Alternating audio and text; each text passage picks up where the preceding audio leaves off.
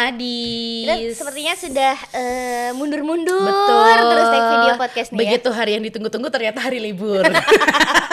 Libur-libur abis nyoblos Abis take video bener, podcast tidak apa-apa. Tapi Wit, ya, kamu gimana? nyoblos tadi? Ya dong. Nyoblos ya. Yang Kita mana? harus mana menggunakan hak suara. Eh, jangan diomongin. Pokoknya tahu lah Dibawa, pokoknya semua. lakinya di bawah di sini. Tidak bisa merasani suami berarti ya. Bener, gak bisa karena di depan mata agak deg-degan. Tapi kan bisa berarti eh, tidak ngerasani tapi kan komplain secara Iya, langsung. langsung ditunjuk. Wit, kali ini Eh, kita akan membahas gimana? soal mengajarkan sopan santun.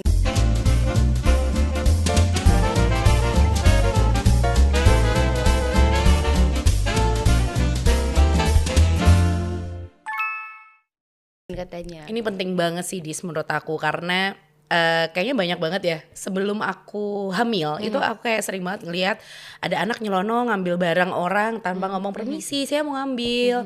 Permisi atau minta maaf atau sekedar minta maaf dan tolong sih intinya sih kalau untuk anak kecil Iya. zaman sekarang ya. Karena Tolong terima kasih sama maaf tuh kayak tiga hal yang wajib Iya ya benar ditanamkan tiga ya. hal itu. Kayak eh, kalau dia habis melakukan kesalahan sama orang lain kadang tuh ada anak yang nggak mau minta maaf Mhm. gaya aja sampai sekarang masih susah loh minta maaf sama orang tuanya Mhm. karena dia ngerasa eh, alah abis ini paling aku juga nggak bakal dimarahin Dimarahin. gitu jadi dia tuh kalau mamanya aku suruh bilang ayo bilang maaf dulu sama daddy dia bilang dia nyelimur gitu loh Hmm. Memang Maksudnya sedang fase lain. denial ya kayaknya Iya, apa yang iya, kita bilang tuh dia bener. nggak mau gitu ya. Kalau enggak dia kalau kita kelihatan kayak marahin dikit eh gaya nggak boleh gitu. Kamu harus ngomong maaf, harus ngomong tolong. Dia paling malah jeruk bah, anyel banget. Sih dia menghibur ya. Iya, menghibur kita sebenarnya. Biar nggak marah Iya. gitu kan. Pernah dadinya marah, dia dari luar dari luar rumah dia tuh tahu-tahu gini. Dia kan mesti marahin gara-gara makannya susah kan. Emang lagi makannya susah banget fasenya dia sekarang tuh.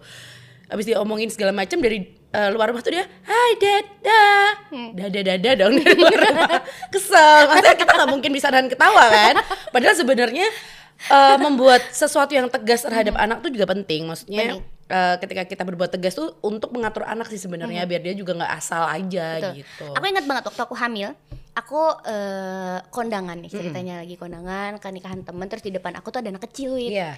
digendong sama eh, orang tuanya lah ya di pangku di Ya. tempat duduk terus aku eh, anaknya tuh kayak ngeliatin aku terus seneng Ah. gitu kan terus eh, orang tuanya tuh eh, kayak tahu nengok gini tapi terus ya udah gitu Mm-mm. terus maksud aku di, di situ aku langsung eh, apa ya aku langsung batin kayaknya besok eh, kalau misalnya aku eh, udah punya anak dan anakku kayak gini sama orang aku tuh harus yang harusnya menyapa dong eh itu ada Iya, tantenya iya, ya bener. gitu kan itu tantenya. Diajak ngomong conversation. Main, iya Jangan dong. sampai menyakiti orang ya nggak sih? Kadang tuh paling enggak kalau misalnya belum bisa berkomunikasi tuh anak it- eh, kita tuh harus ngajarin ke anak kita harus nganggep orang lain bener bener. gitu kan eh, mau nggak mau aku ngerasa nggak diwongke dong Bener. ya sih Kadang aku gini juga sih kayak ngelihat orang, ada orang jorok nih momennya. Ada orang jorok yang deket sama anak kita. Ibaratnya kita lagi makan di resto, Hmm. kita duduk di sini, ada orang jorok di sini. Anak kita tuh mau nggak mau tuh kayak kan pasti melintas-melintas Hmm. terus kan lewat daerah area situ kan. Pasti semakin ada orang yang terlihat menarik, dia pasti akan semakin mendekat gitu loh. Hmm. Entah itu orangnya bule atau orangnya kenapa atau jorok dikit atau apa segala macam atau mungkin yang rambutnya gimana, ya mungkin seperti. Nyentrik kamu ya. ya, nyentrik ya, rambutnya anjep pupuk say. itu jadi kan pasti kalau anak tuh kan fokusnya berpaling ke dia gitu loh jadi kayak nggak fokus makan ngeliatin orang itu terus paling nggak kan memang eh, kita kayak nyapa eh itu ada tante eh itu ada om Iya dong, mengarahkan jangan sampai orang itu sakit dia hati kan ngomong sesuatu yang Nah. tiba-tiba wah gitu, Nah, kita jadi malu marah, segala iya macam. kan? Iya benar. Aku juga eh, apa sih PR sih Wit karena Iya. kan memang usia anak-anak kita kan baru 2 tahunan ya. Mm-mm. Jadi memang sebenarnya PR-nya eh, pikirannya kan masih belum segitunya bisa disetir. Iya, Kalau misalnya iya. kita di kondisi yang seperti itu kayak misalnya ketemu sama orang yang agak sedikit berbeda daripada yang biasanya dia lihat. nah Entah apanya. Dulu aku pernah juga nih Heeh. kejadian di sebuah restoran gimana tuh sebelahan sama meja orang yang jenggotnya panjang banget wait Mm-mm. segini jenggotnya Mm-mm. otomatis kan itu menarik perhatian anakku dong Iya. terus eh, aku kan nggak bisa mengontrol apa yang Rumi akan bilang karena Iya, dia memang iya. orangnya tuh apa yang dia lihat dia bilang Iya. apa yang dia lihat dia bilang sampai dia lihat hantu aja dia bilang ya kan terus itu walaupun merinding ya. iya iya tapi dia tuh bilang semua Iya. yang dia mau bilang pasti dia bilang. Terus dia Bener. bilang sama aku pasti kedengeran sih. Iya. Jadi Rumi tuh bilang ibu itu jenggot. Jenggot kayak bapak. Oh iya bagus ya. Bagus ya bingung ya. Masa ya bau bilang oh Rai Ella Indo. Gitu kan. Oh, iya Kan nggak mungkin ya. kan, iya. akhirnya aku memuji gitu Eh. pada akhirnya oh bagus ya Mia bisa panjang ya. Iya terus sambil tak senyumin orangnya. Iya, iya. karena aku bingung juga dong kan kita nggak bisa ngontrol wit gitu loh. Dan memang kayak anak eh, di usia kayak anak kita berdua, maksudnya eh, usia-usia 2 tahun itu kan kayak menjadikan kita role model yang apa yang kita perbuat pasti mereka tiruin kayak gitu. Sedangkan aku kadang kalau sedang bersama kayak bareng teman-teman kayak gitu kan kita nggak out of control ya. Maksudnya kayak bercandanya juga asal, kita kadang ngomong apa omongan-omongan yang agak sedikit kasar juga Nah, omongan yang jorok kadang kayak ya. gitu kan. Makanya aku sekarang kayak lebih ngerem aja kalau mamanya gaya ikut aku Mhm. ke sebuah forum mungkin nggak yang terlalu uh, forum yang besar ya. Mungkin kalau cuma pergi sama satu dua orang aja aku is okay nggak apa-apa. Tapi kalau mamanya kadang suka ngerinya kalau mamanya nanti aku balik event lagi ini kan lagi pandemik nih otomatis nggak ada event nanti kalau ada event lagi kan gaya pasti aku ajak dong nggak mungkin nggak takutku nanti kalau ternyata dia ngelihat apa yang maminya lakukan dengan orang lain sedangkan aku sendiri menyadari aku bukan orang yang sopan gitu loh ngerti gak sih kita aja behavior belum bener ya. Nah makanya habit kita tuh padahal nggak yang tiap hari melakukan perbuatan sesuai PPKN kan Yang harus menyeberangkan orang tua di tenggang jalan rasa. Tenggang rasa sesama kayak gitu kan. Dada. Padahal kalau kita sebelah Rasanya pengen bunuh orang satu-satu. Makanya susah banget. Tapi kan harus harus kita lakuin Karena itu Iya, untuk iya, kebaikan anak kita juga gitu loh. Kayak kemarin Gaya ngeliat aku Kalau di mobil kan aku suka sempit Karena kan badanku gede. Jadi kalau mobilku tuh kan sempit gitu loh City car kan. Jadi bagian depan tuh sempit. Aku tuh sering banget kayak kakiku aku angkat ke dashboard gitu loh Dashboard mobil Sebenarnya bukan apa sih Bukan karena nggak sopan Tapi karena memang aku sakit kalau di bawah kan capek Terus gaya sekarang itu ikut-ikutan jadi setiap kali dia naik mobil kakinya diangkat ke atas dong. Kesel banget sih sebenarnya maksudnya. Loh kok jadi naik ke atas? Iya kayak mami. Gitu kan kesel ya. Ya. Iya, sebenarnya kalau dibilang nggak sopan ya memang itu nggak sopan. Tapi karena aku ada alasan karena kakiku memang capek kan. dan emang ada orang kan Iya dan Nggak gak ada orang lain. juga. Sedangkan kalau mamanya ada ibuku kan pasti ibuku, nah tuh kan anak dia cari nih pasti gitu. Iya gitu. Karena kita kan udah bisa beda ini kapan kita bisa naikin kaki, tapi kan anaknya kan belum ngerti. Nah mereka Kalau belum bisa orang dikasih lain, pengertian juga. Iya, belum belum begitu paham ya. Nah, Meskipun bener. eh, ketika berkali-kali dikasih tahu akan ngerti juga. Cuma Iya. kan emang pasti ada prosesnya. Tapi eh, aku menyadari kalau Rumi itu peniru ulung Iya. itu sejak dia umur eh, tujuh enam tujuh bulan. Aku kaget juga sih. Aku lagi naik tangga. nih. Mm-mm. Terus ada tetangga aku eh, nyapa, Iya. nyapa Rumi, Rumi, gitu. Kayak ngejek-ngejek gitu. Iya. Gitu. Terus Rumi tuh tiba-tiba ikut-ikutan. Terus aku, kok dia bisa sih? Bener-bener persis. Oh ini bahaya nih, Iya. berarti udah mulai bahaya nih. Dan bener aja aku ngomong apa dia niru, ngomong apa Iya. dia niru gitu. Oh berarti sudah saatnya ngajarin minta maaf. Kayak Betul. misalnya kalau misalnya aku nggak sengaja, eh, kan kadang kalau kita lagi pakai minyak telon doodle. Iya, Eh, iya, soft selling nih bro. lagi pakein minyak telon Iya. kena kuku gitu. Aduh Maya maaf ya gitu. Iya. Terus akhirnya ternyata dia niruin juga Iya, kalau bener. kalau ada sesuatu misalnya eh, dia lagi nenen terus tangannya nggak sengaja narik Kena rambut aku Oh, oke. gitu-gitu bilang apa Rumi maaf ibu Iya. gitu. akhirnya minta maaf Udah sudah kebiasaan dari iya, rumah kan. maaf udah bisa terima kasih juga ayo jangan lupa bilang kalau misalnya mau pamit harus Rumi pulang dulu ya Iya. assalamualaikum monggo gitu itu kayak udah akhirnya eh, kalau misalnya kita lagi jalan ketemu tetangga monggo Iya. gitu nyapa Lucu kayak bapaknya sih. iya kan gemes Sama tangannya ya belakang iya. Monggo. enggak dong nih gini gitu lucu banget terus sama eh, minta maaf Ma- Iya. ma- eh maaf terima kasih sama tolong Benar, itu tiga kata yang memang harus kayak ditanamkan itu untuk itu. faktor sopan santun tuh memang penting banget ya. Jangan sampai ada anak eh, ada orang lain yang ngomongin anaknya nggak diajarin ya bu? Karena memang ada anak yang mungkin kita sudah mengajari dari rumah ketika dia di eh, di luar dia sulit mengucapkan itu. Benar nggak sih dis? Yang harus kita mengontrol. Iya. ayo dong gaya ngomong dong maaf. Ayo dong ngomong tolong Eh, Gaya tuh sekarang kalau ketemu orang baru gitu ya Halo, aku Gaya, kamu siapa? Gitu, asik. Tapi begitu dia nggak dijawab sama si anak Namanya dia, dia tuh langsung nyamperin Mami Gaya nggak dijawab.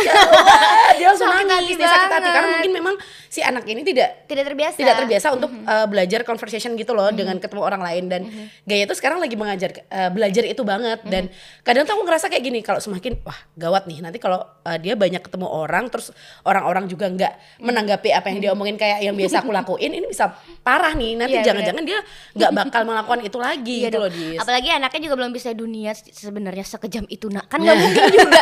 Kita bilang nggak anak mungkin.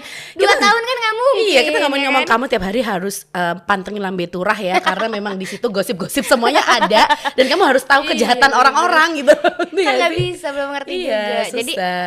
Emang gimana ya, harus dibiasain aja sih Iya, dan benar. kita sebenarnya kita juga bisa membantu mereka sebagai media juga sih kan Iya. misalnya eh, malu Iya. ya yang baru pertama ketemu ditanyain belum berani jawab di dipancing gitu Benar. apa itu ditanya tante tadi namanya siapa gitu Iya. Kita kan biasanya biasanya otomatis kalau udah ada bantuan dari orang tua kan pasti dijawab. kita tuh kayak penghubung gak sih Iya penghubung antara orang lain ketika ketemu dengan anak kita supaya eh, pembicaraannya pun juga ada gitu loh ibaratnya gini anak tuh nggak mungkin dong ada anak kecil lain langsung tahu-tahu eh, eh ayo main. Aku Iya. mau main prosotan gitu gitu bener, kan nggak mungkin kan sedangkan kita paling nggak harus lihat-lihatan doang, lihat-lihatan, Oh. lihat-lihatan gitu. Ngerti-ngerti? kalau gaya gaya ngeliatin badannya gede atau enggak kalau gaya? Jadi kalau kelihatan dia eh, orang gede gitu dia mau. Tapi kalau anak kecil dia malah nggak mau main Kok bareng. sama ya? Anakku gitu Iya ya? nggak sih? Iya Rumi gitu banget loh. Dia lebih suka berteman dengan yang bukan seusianya. Maksudnya bukan yang sama-sama anak kecil. Bener. Karena Rumi itu orangnya kan komunikatif juga. Maksudnya Nah, suka ngobrol heeh. Kalau sama anak kecil tuh kayak Ah Iya. pasti gak bisa diajak basi, ngobrol? Gitu. Basi, iya sama sama sama anakku juga. Jadi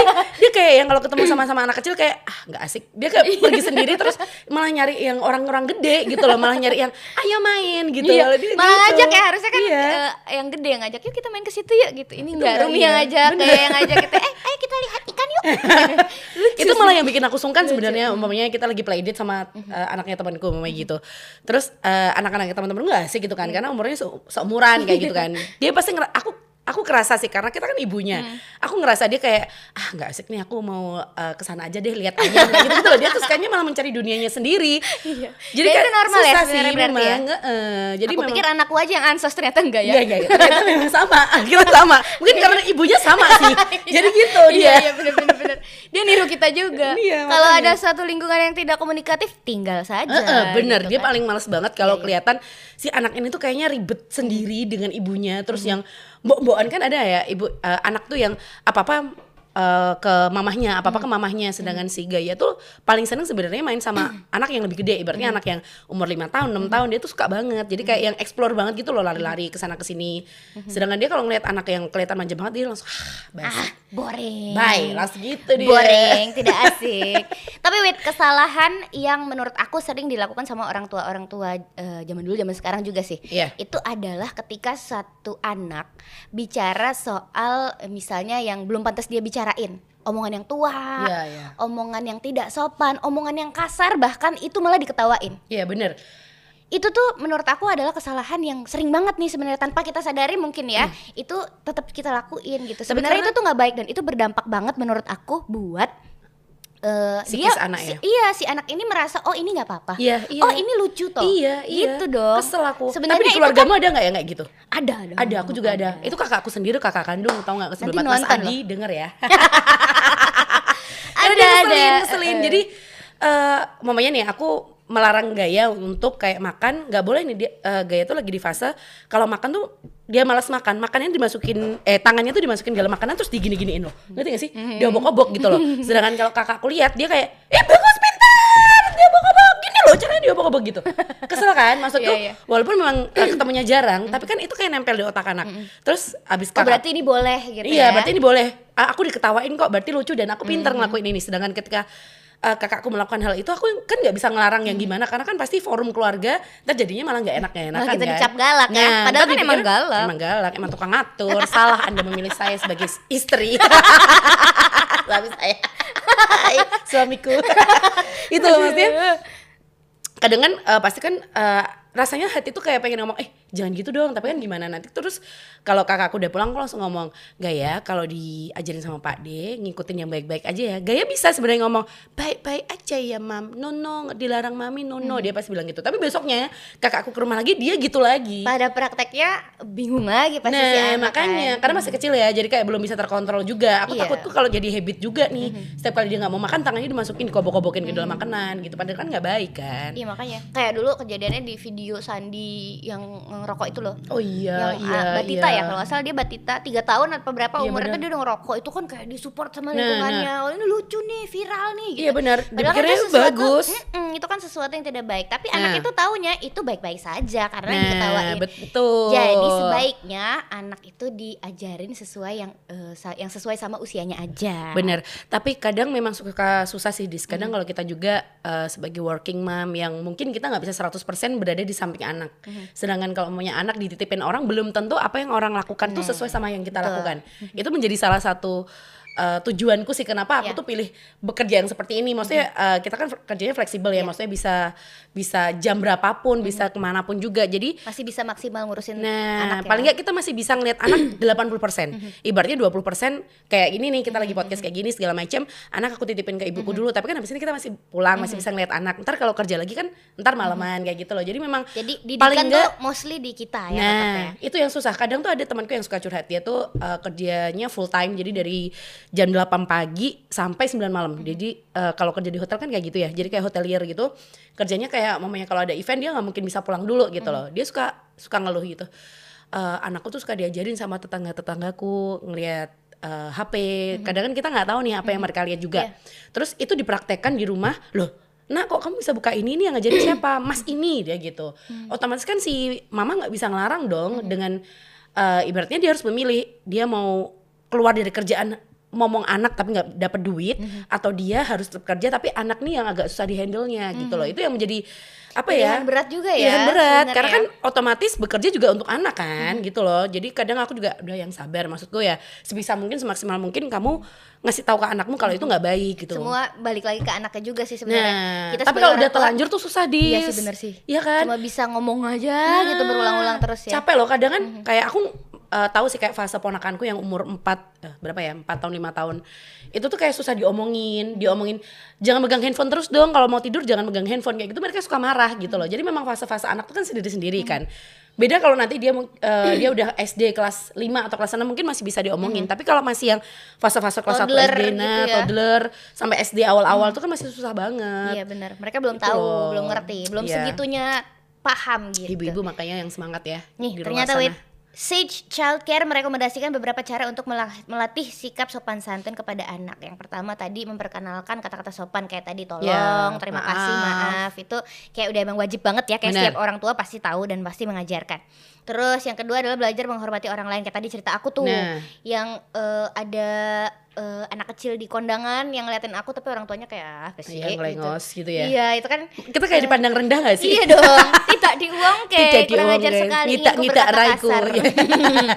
ya itu tadi menghormati orang lain karena beneran loh ngaruh banget itu sih Iya. bu- menurut aku ya ajaran orang tuaku yang eh, nempel banget sama aku sekarang itu adalah ngewongke Iya. gitu. Aku tuh nggak per- nggak pernah bisa eh, merasa lega, merasa enak kalau misalnya minta tolong sama orang nggak tak uangke tuh paling nggak bisa aku. Apalagi di pekerjaan kayak kita, kita ketemu Iya, klien terus, itu klien dia. baru. Jadi ibaratnya kita ada sih kayak kamu kan eh, ada teman kantor segala macam, tapi kan di luar itu kamu ketemu klien-klien lagi, ketemu siapa lagi dan kalau manner kita juga eh, jelek, itu kan pasti juga kita dipandang Nah, sebelah mata gitu loh. itu Jadi dia. itu yang juga harus ditanamkan ke anak sih. Jadi jangan sampai anak kita tuh eh gimana ya menirukan hal-hal negatif tuh kayak dilihat aja jangan sampai ditiru gitu loh maksudku tapi emang susah sih memang bener loh jadi Iya. ibu tuh emang susah banget Mana yang baik, mana yang mana yang nggak baik gitu Iya, ya. tapi kamu kadang ngasih ini nggak hukuman nggak? Maksudnya eh, kalau kalau aku sendiri ya, Mhm. kayak ngasih hukuman ke Gaya, mamanya dia melakukan satu kesalahan. Mhm.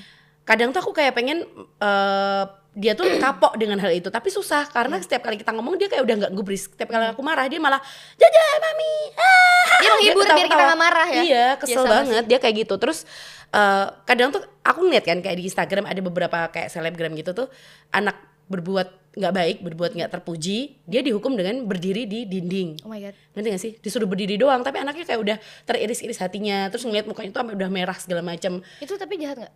Maksud Aku nggak itu ngerti. Se- tapi efektif, anaknya akhirnya nurut. Tapi, Tapi setelah itu dia masih melakukan. Makanya aku juga nggak ngerti karena anaknya juga masih umur 4 tahun kan. Aduh.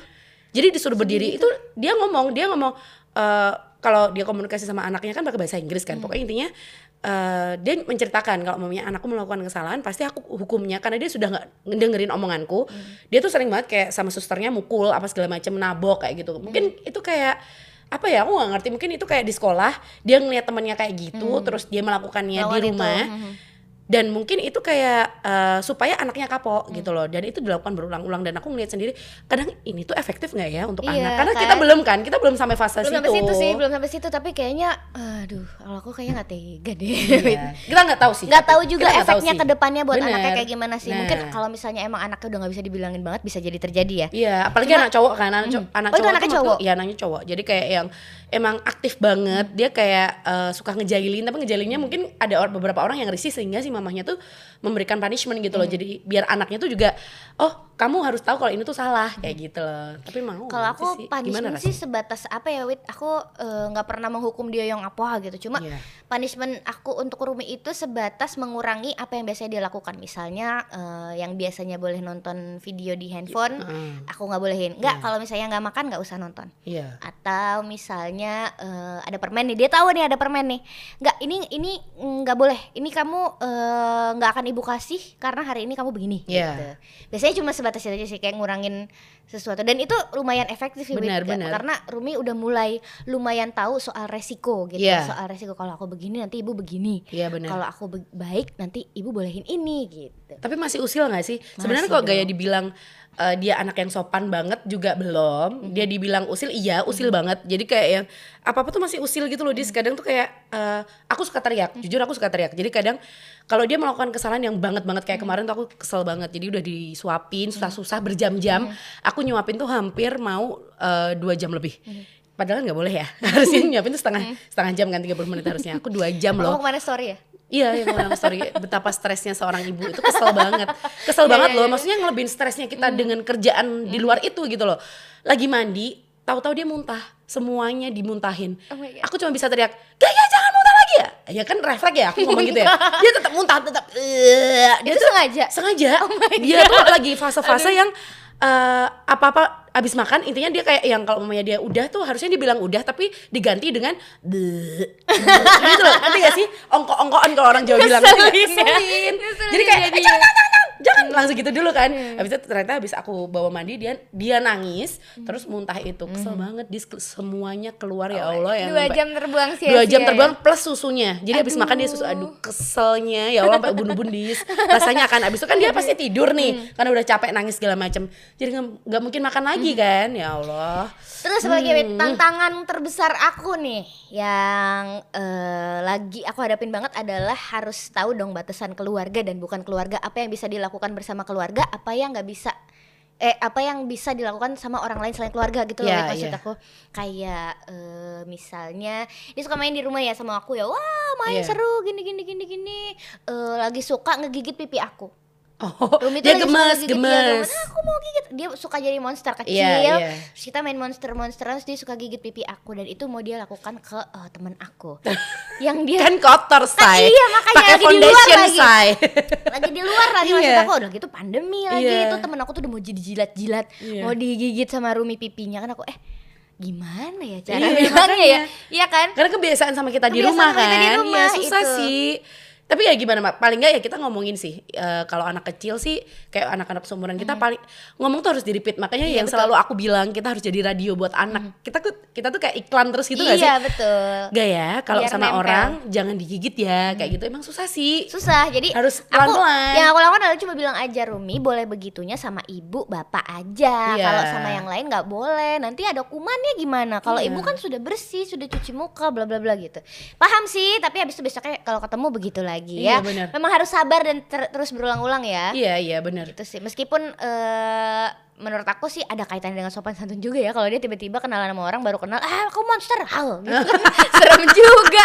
Gerakotan, geragas. iya ini anak apaan sih? Gitu udah gitu sama orang gede lagi bukan Iya, sama benar. anak kecil gitu kan jadi ya eh, begitulah ya pokoknya ada batasan-batasan yang memang harus dikasih tahu sama anak sedini mungkin sih menurut Bener aku sih. meskipun mereka belum paham langsung cuma Iya. kayak harus diulang-ulang aja terus gitu Bener. Eh, by the way, kamu waktu kecil ada temen gak sih? Maksudnya yang kayak dia waktu kecil bandel banget, terus gedenya kayak uh, orangnya sopan banget itu ada gak sih? Aku ada loh. aku Temennya gitu. eh, enggak sih yang bandel dulu bandel aja Jadi dia berubah. Jadi uh, waktu SD ya Allah dis nakalnya, astaga. Kan uh, kita ketemu waktu reunian kan. Maksudnya setelah kita kuliah kita sempat ada reunian gitu loh. Jadi awalnya aku ceritain dulu dia waktu kecil kita kita kan suka main betengan. Tahu gak sih betengan apa Iya, sih? ya? Bahasa benteng. Ya, itulah. Benteng, hmm. Betengan, betengan. Main betengan, dia tuh kalau ada cewek gitu ya. Dia kan cowok nih. Hmm. Roknya tuh suka di biak-biak gitu loh. Itu kan nakal banget kan. Nakal Zaman banget SD dan tuh gak udah kayak kontrol. level nakal paling paling tinggi tuh rock ya Nah, rok itu kan udah parah banget. Apalagi kan kita pakainya rok yang plisket-plisket gitu loh, terus di biar ini kan ketok say. Orang gonjarawan say. gitu. Jadi menurutku eh, aku dan teman-temanku tuh kayak yang udah ini anaknya nakal. Nakal. Kita selalu ngomong kayak gitu eh, di di belakang orangnya. Terus kita ketemulah setelah kita lulus kuliah. Itu kan berarti jarak berapa tahun ya? Hampir mau 10 tahunan Iya. lebih kan kita ketemu. Reuni nih. Reuni, Reuni ceritanya ketemu dia.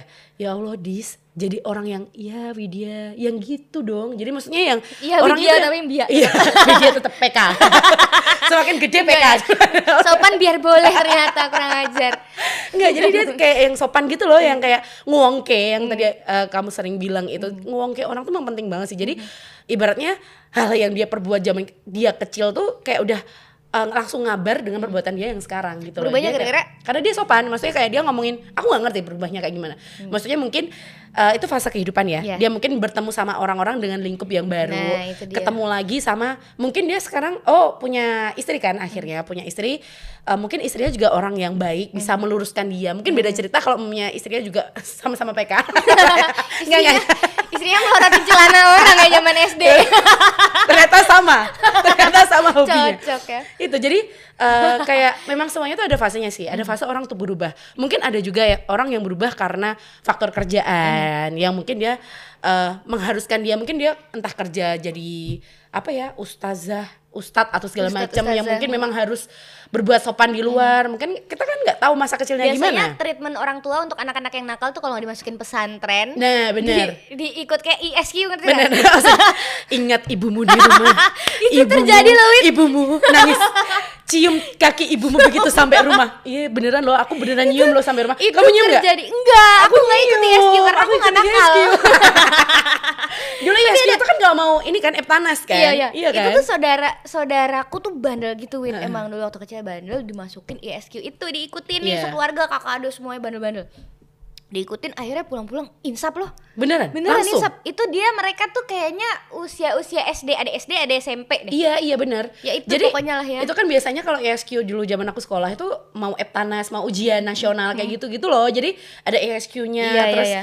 Eh, yang bikin satu kelas tuh Tidur- nangis tidur- berpelukan semua. semuanya. Hipnotisnya masal. Hipnotis masal. Iya. Tapi ternyata efektif juga Iya, ya. Maksud bener. aku itu kan dia menyerangnya ke apa psikis. Iya benar. Ya kan Tapi mungkin aku gak tahu sih, aku gak berubah juga sih habis tetap nakal sih. tetap yang beling. Tapi mungkin itu eh, kalau misalnya Anda punya kekhawatiran kekhawatiran eh, soal anak gue nakal nih gimana dong masih bisa berubah ternyata Iya. ya Wit Pasti. nggak Ada nggak semuanya soalnya. iya nggak semuanya yang nakal kecilnya nakal sampai gede juga nakal enggak Enggak, enggak. gitu Tapi ada ternyata. juga yang kayak gitu dari kecil nakal sampai gede nakal ada Iya. tuh. Kamu. Ada yang tidak bisa baik. Susah. Passionku adalah nakal. aku dulu baik-baik sekarang nakal Iya. aku kepengaruhi dia soalnya eh tapi bener loh ya.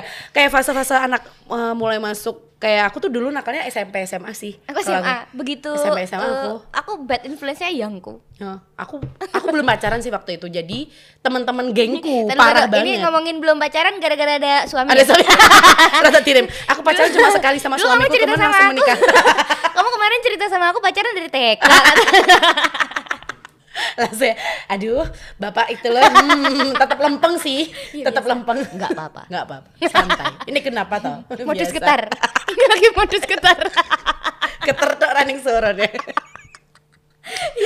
Aduh, tapi mau balik lagi ya. Susah memang eh, ketika kita mengajarkan sopan santun ke anak. Emang harus diawali dari usia sekarang ini dan kita pun harus menjadi role model. Itu penting banget karena memang eh, ketika udah besar itu banyak loh ya. Aku ketemu juga klien yang kadang ngomongannya juga nggak sopan. Kamu sering gak sih ketemu kayak orang yang suka nyepelek kayak orang? iya dong. Cara bicaranya merendahkan Oh, iya orang. dong. sama-sama musisi tapi nggak ngomong kayak itu juga uh minta tolong tapi tidak dikasih apa-apa banyak sekali Itu lebih baik ditonjok aja, dipateni aja. Itu banyak sih memang benar. Bagian yang paling eh, vital Iya. Karena mata emang ngeselin banget, ngeselin Iya, banget. iya. Ya maksudnya eh, itu balik lagi mungkin dari didikan dari kecil ya. Makanya eh, ketika kita menanamkan ke anak sebisa mungkin semua yang terbaik. Entah itu nanti anak kita ya walau alam jangan sampai anak kita tuh juga menjadi orang yang nggak terpuji nantinya. Kita kan pengennya semua semua semua anak kita tuh jadi orang yang baik kan. Nggak mungkin Iya. kita niat dari kecil anakku aku didik tidak baik kok supaya keren. Kan nggak mungkin. aku tuh sekarang kayak semuanya tuh aku pikir dua kali. Maksudnya gini, Wit. Dulu tuh aku orang yang sangat easily irritated. Maksudnya kalau ada seseorang yang behave malesin banget tuh Iya. aku kayak gampang banget anyel. Tapi sekarang tuh semenjak aku punya rumit aku jadi mikir dua kali. Maksudnya gimana kalau itu terjadi sama anakku Nah. karena ada faktor-faktor yang gara-garanya ternyata aku misalnya. Benar. Jadi misalnya ada seseorang nih yang caper banget Iya. Ini uh, aku tuh kayak lebih mikir orang-orang pada sebel nih sama dia nih ya terus aku uh, kayak mikir dulu kenapa ya dia caper mungkin Iya. dia kurang perhatian dari orang tuanya segala macam Bener, malah bener. cenderung aku rangkul Iya. gitu tapi uh, apa namanya ya maksudnya uh, aku soalnya tidak ingin hal hal yang kayak gitu tuh terjadi ke anakku Nah, karena kan mungkin aja kita salah didik, kita melakukan kesalahan yang ternyata bisa bikin eh, sampai gede anak kita ntar tiba-tiba anakku jadi caper kayak gitu kan Iya, nggak mau iya, juga sama. gitu kan. Intinya adalah kalau misalnya kamu ingin mendidik anakmu coba pikir deh apa efeknya gitu. Iya. Kalau misalnya lu ngedidik yang sopan-sopan kan bakalannya mudah-mudahan anaknya juga bisa jadi orang yang sopan Betul, sampai gede nanti kan, betul. Gitu. Dipikir dulu dua kali pokoknya semuanya eh, apa yang mau kita omongin, apa yang mau kita lakuin tuh kayak sekarang kalau udah punya anak tuh kayak harus bener-bener dipikir banget gitu. yes, betul banget. Semoga anak kita anak kita nanti sopan ya Wit. Tas dulu dong. Tidak anak-anak seperti kita suka rasan-rasan tidak apa-apa, tapi eh jadi rasan-rasan tetep. tidak apa-apa. Tapi nggak apa-apa sih menurutku tuh rasan-rasan kayak eh, refresh otak sih. Aku sih rasa-rasan kebutuhan primer sih. Tetap ya. Setiap siaran rasani wong. ya begitulah pokoknya ya. Semoga kita semua berhasil mendidik anak meskipun bukan jadi anak yang terbaik tapi paling enggak menjadi anak yang baik. Betul banget. Terima kasih Lydia Rosena. Bye, Sampai Adis. jumpa di Momstalk episode berikutnya.